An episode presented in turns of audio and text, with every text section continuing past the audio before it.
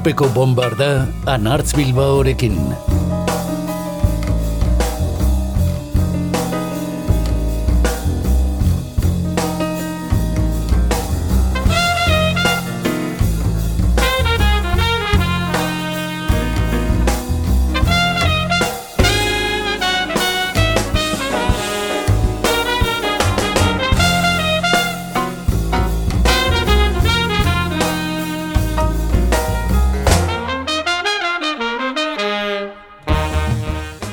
Shakespeare, punk, jazz. Lankide batek esan didana, egia baldin bada, larrepetitoni emandako izenburuarekin dagoeneko usatu ditut zenbait irakurle. Lerro arteetan gelditu bazara, behar bada ni jarri nion aurpegi bera izango duzu. Alegia, zer dute hitz hauek ba? Telebistan ba dira saiestu beharreko eleak. Horixe da azaldu zidana. Antza denez, hitzok esan eta atoan jendeak alde egiten du. Telebista edo irratikatea aldatzen du. Berba hauek ez dute gure beldura tabikoekin zerikusia.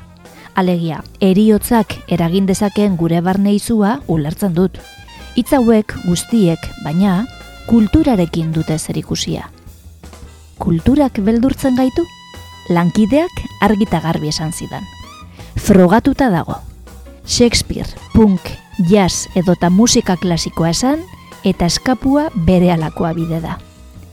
Teoria hau egia baldin bada, pentsatzen dut pintura abstraktua edota abanguardiako dantza hitzek ere efektu bera eraingo dutela. Hamaika azalpen izan litzake honek, baina lankidearen aburuz, ikusentzuleek maila intelektual altua ikusten diete berboi, eta ulertzeko gai ez direla izango uste dute. Autoestimurik eza? Norbanako moduan kultura dirazpidea jasotzeko dugun jarrera, eta norbanako izateari utzi eta jende bilakatzen garenean agertzen dugun jarrera berbera da? Geure burua gutxi etxi egiten dugu? Ala benetan nahikoa gaitasunik ez dugu zenbait kultura dirazpide jasotzeko. Erosoago bizi gara lautasunean? Agintzen gaituztenek nahiago dute lautasun kulturalera lerratuta bagaude? Eta mugarriak gainditzen joateko gizakiak ustez duen joera non galdu zaigu. Alegia, ez ditugu Shakespeare eta jasa ulertzen, ados, baina unibertso horietan sartzeko kuriositate niminorik ere ez dugu? Pasibotasunak bizi gaitu nonbait. Mikel Laboaren kantuarekin gogoratu naiz. Gure hitzak esan, berriz esan, ez daitezela astu, ez daitezela gal, azken hitzotan norbait geratu bada, Shakespeare, punk eta jazz.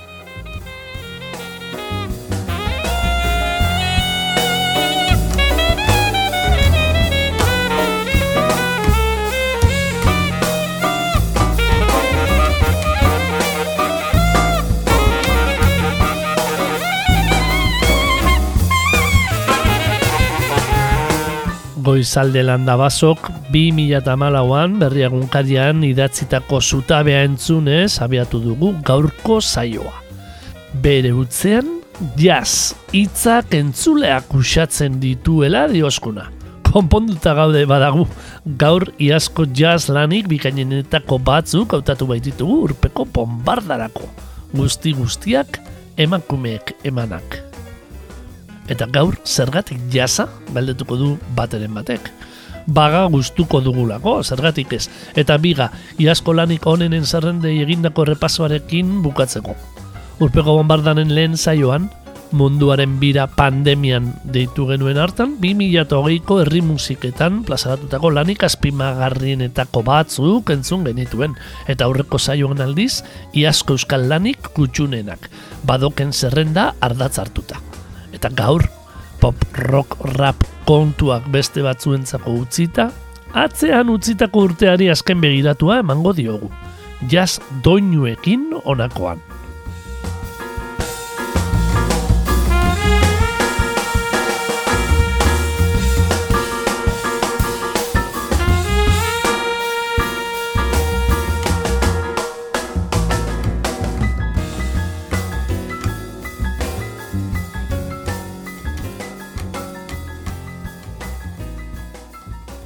Gero xeago azalduko dizugu entzule gaurko gaiaren zergatia, baina aurrera entzun dezagun iaskolan bikainenetan bikainenetako bat, Maria Schneiderren Data Lords.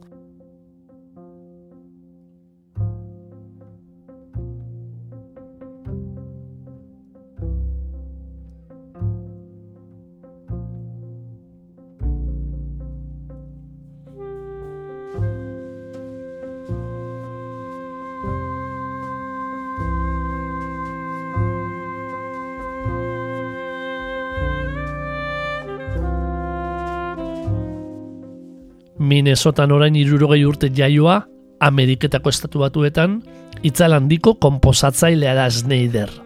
Euskal Herrian ere egona dena, 2008an gazteizko jazaldian. Iaz, amazortzi musikari osatutako orkestrarekin Data Lords plazaratu du. 2008ko jazz diskorik onenen zerrenda askotan gailur gailurrean paratu dutena amaika kantuko lan bikoitza da Data Lords. Kantu gehienak sortzi minututik gorakoak dituena. Bos minutu azpitik bakarra. Entzun gai dugun Bright Together.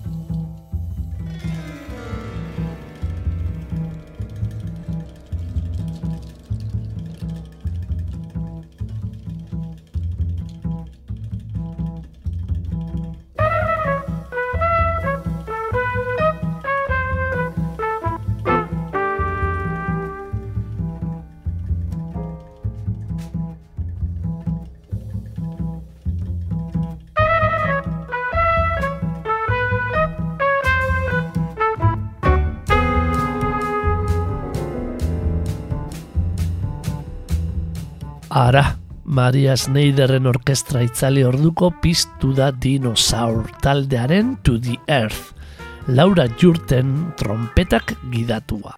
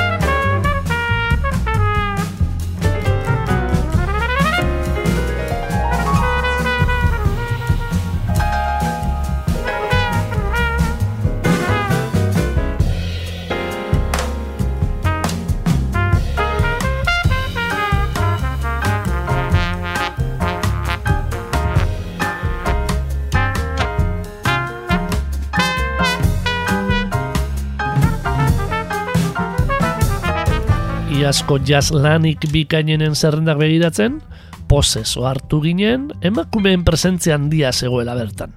Tamales gaur egunen arte zoikoa izan dena. Jakin minak jota arakatzen hasi eta ikerketa bat irakurri dugu, gero, NPR aldizkarian. Berdintasun azkenean, emakumeak jasean zenbakitan, dioena.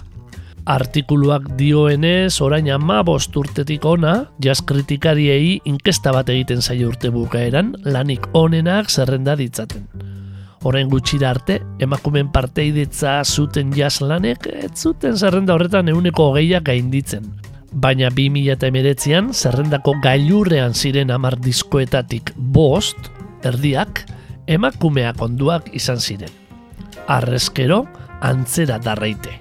Gainera, gehitzen du ikerketak, tradizionalki emakumea kantaria izan da jasean. Eta gutxitan konposatzen zuenez, itzalik gabea. Zorionez eta oraindik ere berdintasuna lortzeke dagoela ondo baino beto dakigunaren, orain arte bat gizonezkoena izan den jazz musikan ikusgarritasuna irabazi dute musikari emakumeek. Postekoa dena asko dira gainera konposatzaile lanetan edo musikatresnaren bat joz taldeko buru bezala ageri zaizkiguna. 2008ko honenen zerrendetan gailurrean dira eskarmentu handika Maria Schneider eta Carla Bley. Azken hau iaz donostiako jazaldira etortzekoa zen laro gehieta urteko orkestra zuzendaria. Eta gazteagoak diren Gioti Nubia García, Saxu Jole Britaniarra eta Mari Halvorson eta agertzen dira, zerrendetako dozena bat baino ez aipatzearen, Laila Bialdi, pedal estilia jotzen duen Susan Alcorn, Kate Westbrook, Candace Springs pianu jole gaztea, Laura Jurtzen dinosaur, Dion Taylor, berazken lana blues diskoa begitan du bazaigu ere, Artemis eta Brenda Browns kantari kanadiarra ere hauetako asko entzungo ditugu gaur urpeko bombardan.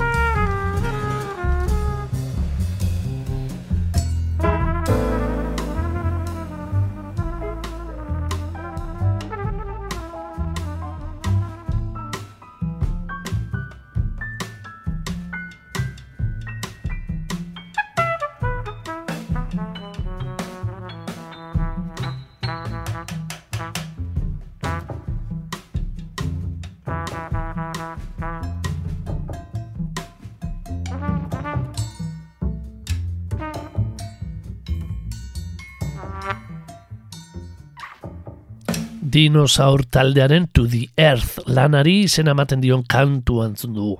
Jaz laukote bat da dinosaur, super talde bat, Laura Jurtek gidatzen duena.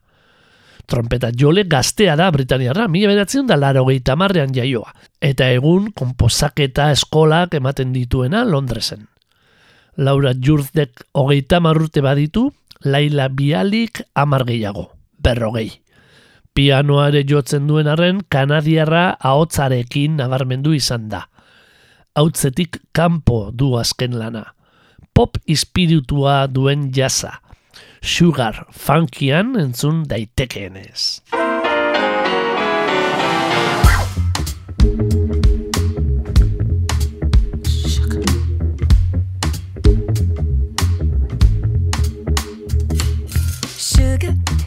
I'm also tired of sugar because I'm uninspired. Sugar because it works so fast. Sugar so sweet, it's gonna help me last.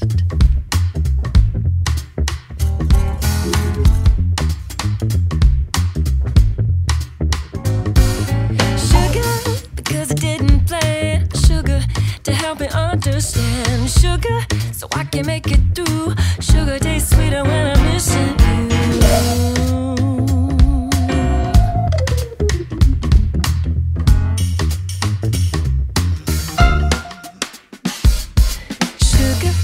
Because I'm also sad. Sugar, because I feel so bad. Sugar, so I can just forget. Sugar, because my mind is sad. Sugar, because I'm lonely still. Sugar, cause there's a hole to fill. Sugar, because it don't cost much. Sugar so sweet, it's like a human touch.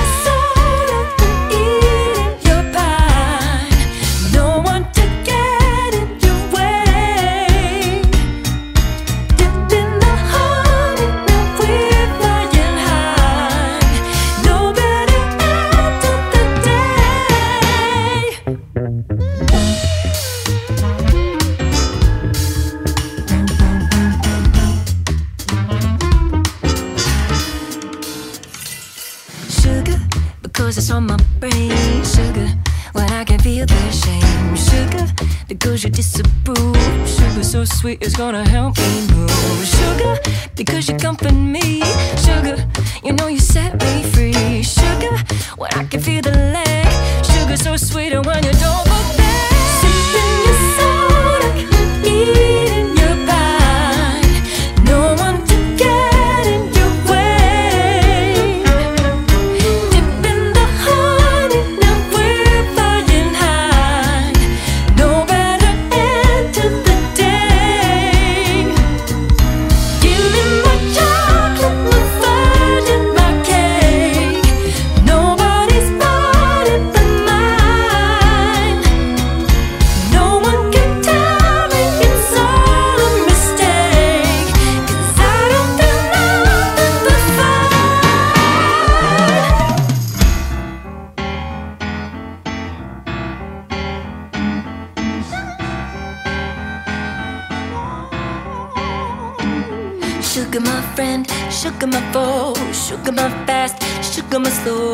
sugar my high, sugar my low, sugar my stop, sugar my go, sugar my good, sugar my bad, sugar my joy, sugar my sad, sugar my anthem, sugar my flag.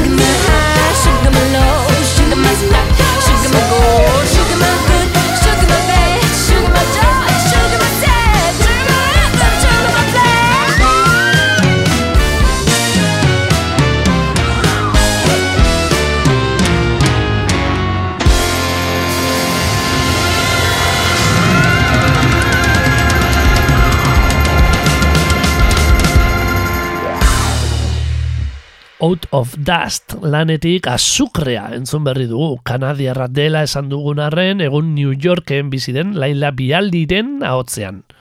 Eta ahotzekin New Yorken bertan jarraituko dugu aurrera.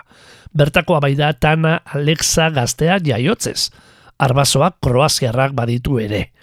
Horrexegaitik deitu du berazken diskoa ona. Bera. Hau da, hirugarren pertsona singularrekoa femeninoan. Kroazieraz. Tana Alexak kantu lirikoa joratzen du, baita musika esperimentala eta etnojaza ere. 2008ko ona diskoan emakume izateari buruz mintzoei da. Eta jarraian entzungo dugun She Said kantuan Becca Stevens du ondoan kantari.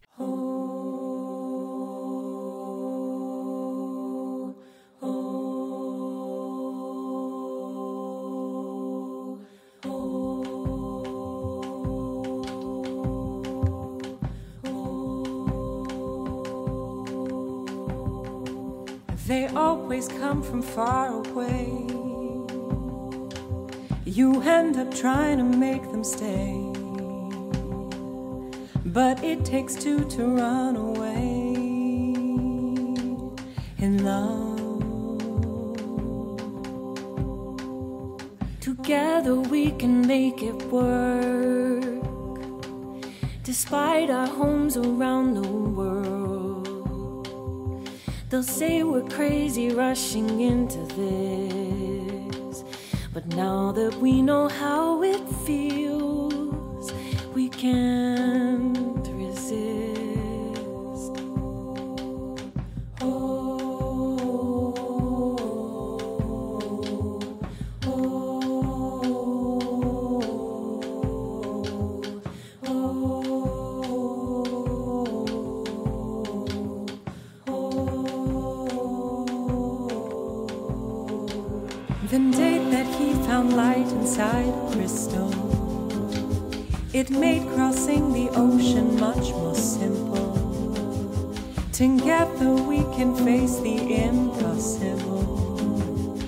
said.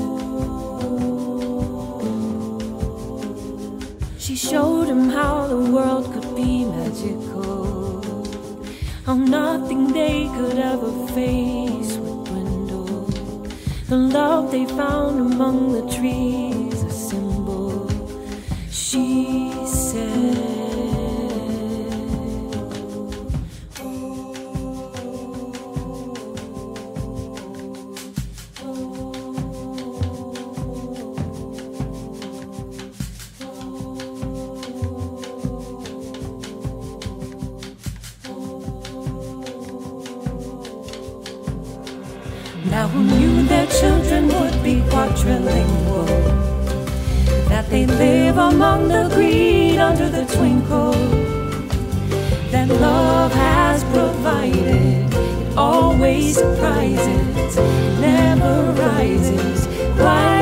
you would expect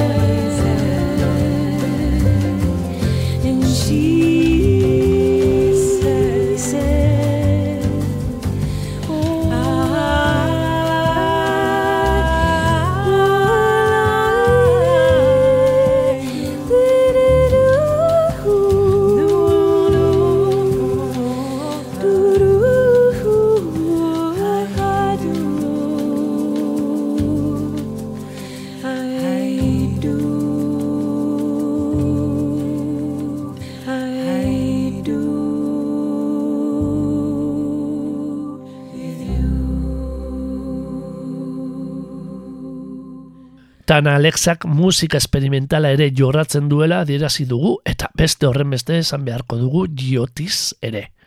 Benetako izena Georgia Ann Muldrow du Giotik. Eta azken hau bakarka jazz musika egiteko darabilen ez izena du. Antza Alice Coltranek emana. Izan ere musikari familia bateko kidea dugu Muldrow, oso ibilbide eklektikoa duena.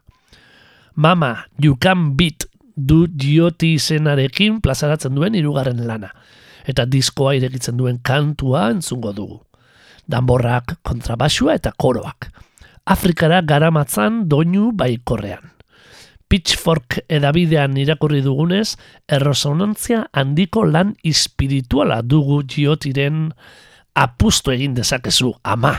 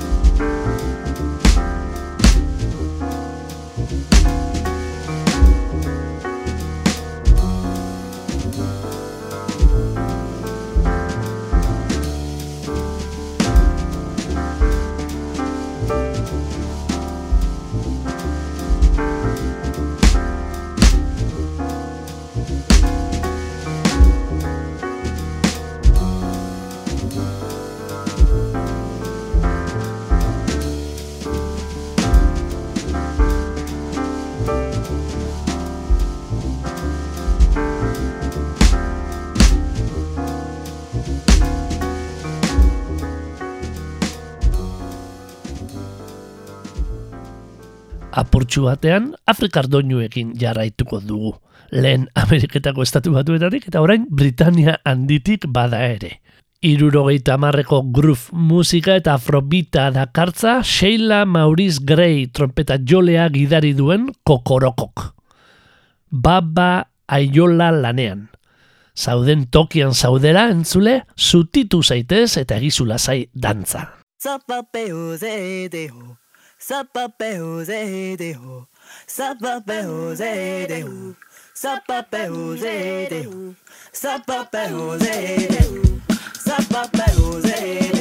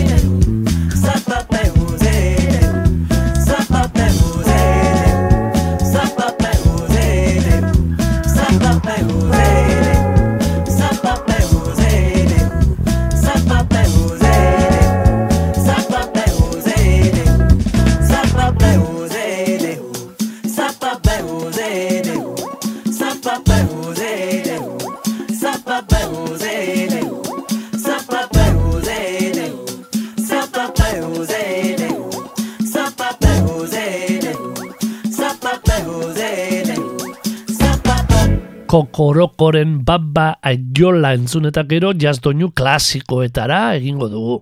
Zer eta Ela Fitzgeraldzekin hasita. 2008ko diskoen laburpena egiten hasi eta Ella Fitzgerald galdetuko du bateren batek. Nolatan ba? Kontuak badu bere azalpena. Jazz musikan, beste dozein generotan baino gehiago, garrantzi handia dute atzera begirako diskoek. Askotan, orain arte ezagutzen ez ziren kantuak berreskuratzen dituztelako. Alaxe gertatu da urten, berbarako, Thelonious Monk eta Sonny Rollinsen lanbanarekin. Eta emakumez mintzo garela baita Nina Simon eta Ella Fitzgeraldzekin ere. Azken honen kasuan, Berlinen zuzenean emandako kontzertua da orain plazaratu duena. Ela, The Lost Berlin Tapes. Entzun gai izango dugun I Want Dance kantuaren hasieran, entzungo duzu Fitzgerald erraldoia eskerrak alemanieraz ematen. Danke. Dantzan egin nahi dut, eta ez galderarek egin. Dantzan egin nahi dut zurekin gizona. Dankeschön. I won't dance, don't ask me. I won't dance, don't ask me. I won't dance, monsieur, with you. My heart won't let my feet do things they should do. You know what? You're lovely, and so what? You're lovely, but oh, what you do to me. I'm like an ocean wave that's bumped on the shore. I feel so absolutely stumped on the floor. When you dance, you're charming and you're gentle, especially when you do the continental. But this feeling isn't purely mental. For heaven rest us, I'm not asbestos, and that's why I won't dance. Why should I? I won't dance. Could I? I won't dance. Merci beaucoup. I know that music leads the way to romance.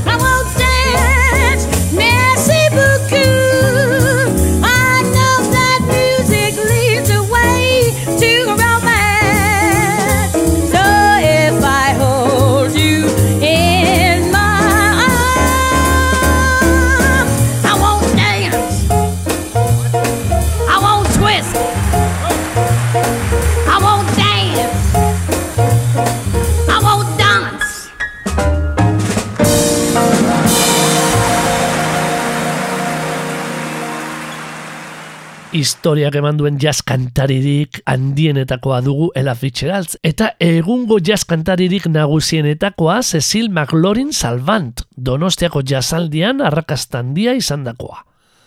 McLaurin Salvantek Artemis izeneko supertaldean partartu du eta izen bereko lana argitaratu.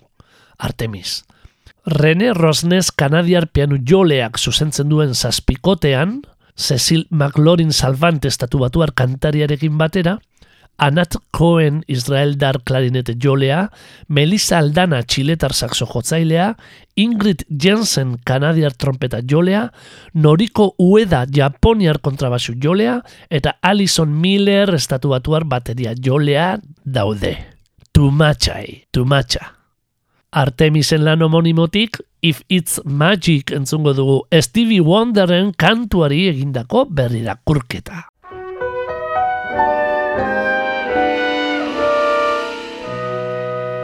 If it's magic, then why can't it be everlasting? Like the sun that always shines, like the poet's endless rhyme,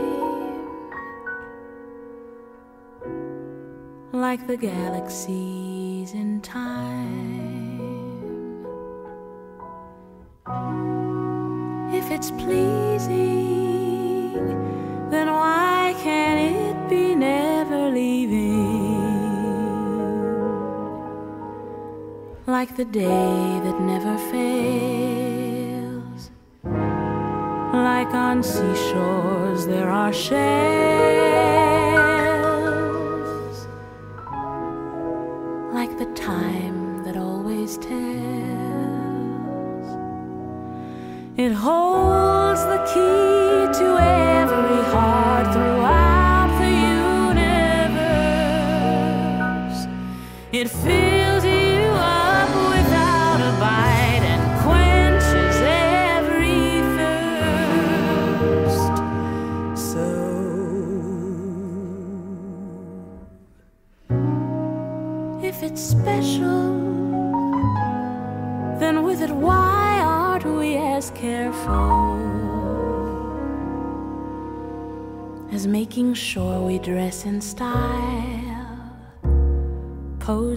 Pictures with a smile,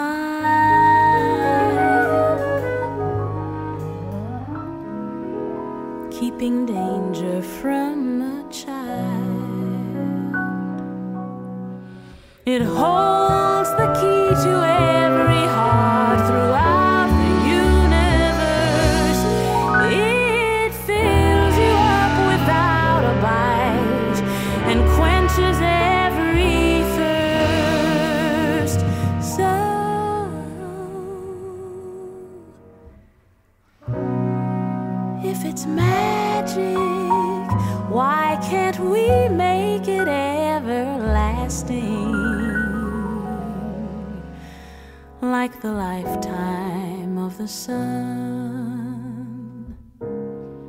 it will leave no heart undone.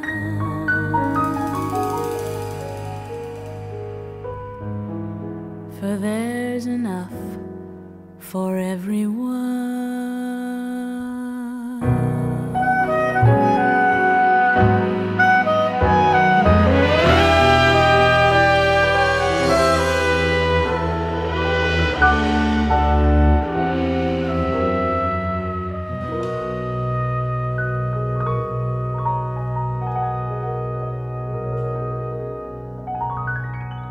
Stevie Wonderen If It's Magic entzun berri dugu, Cecil McLaurin salvanten ahotzean, Artemis taldeak joa, eta purka-purka bukaerara horbiltzen ari garenez, gitarrei emango diegu txanda.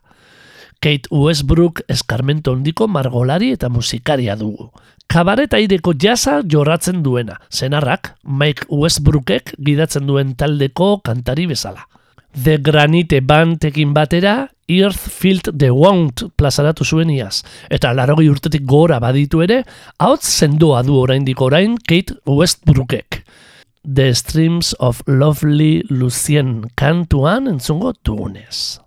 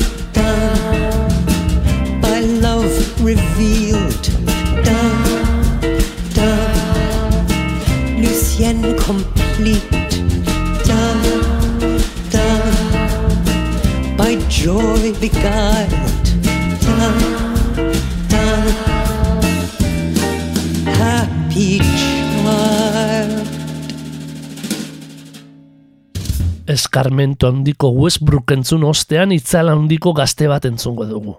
Mary Holvorson gitarra jolea. Mila bederatzen da laro gehian Ameriketako estatu batuetan jaioa, irudimen handiko gitarra jolea da Halvorson. Donostiako jasaldian behin baino gehiagotan izan dena. John Thorman Bagatels maratoian parte hartzen, besteak beste. Iaz Artesli Fallin plazaratu zuen bere taldearekin. Mary Halvorson's Code Girl – urteko honenen artean maiz zerrendatu dutena. Kurioso xamarra da bertatik entzungo dugun abestia, Bigger Flames.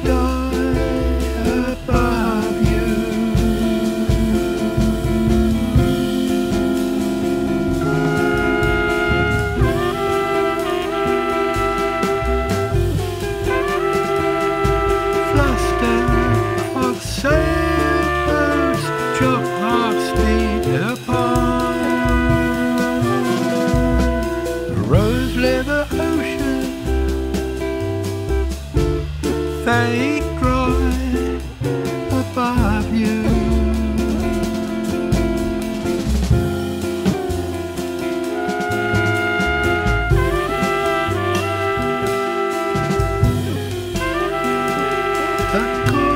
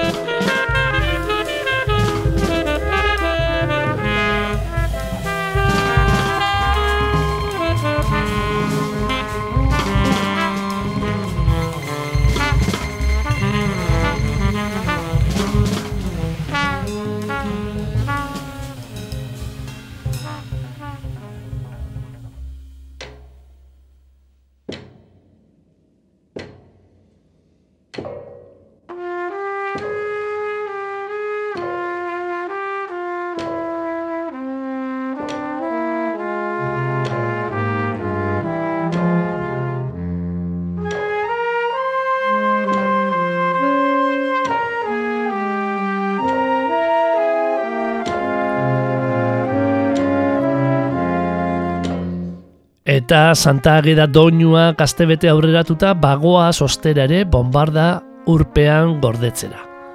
Saioaren hasieran esan dizugu, entzule, emakumeek egindako jasa izango genuela gaur entzungai.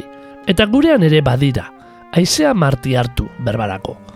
Mila bederatzen undalaro meikan markina xemenien sortutako saxofoi joleak euskal kantuintzako klasikoak jaz girora ekarri ditu. Beste sortzi musikariz osatutako taldean. Eta errabal sigiluan argitaratu du lana. Folketik jazera ensemble. Gaur saioa agurtzeko baliatuko duguna. Aizea marti harturen Santa Ageda.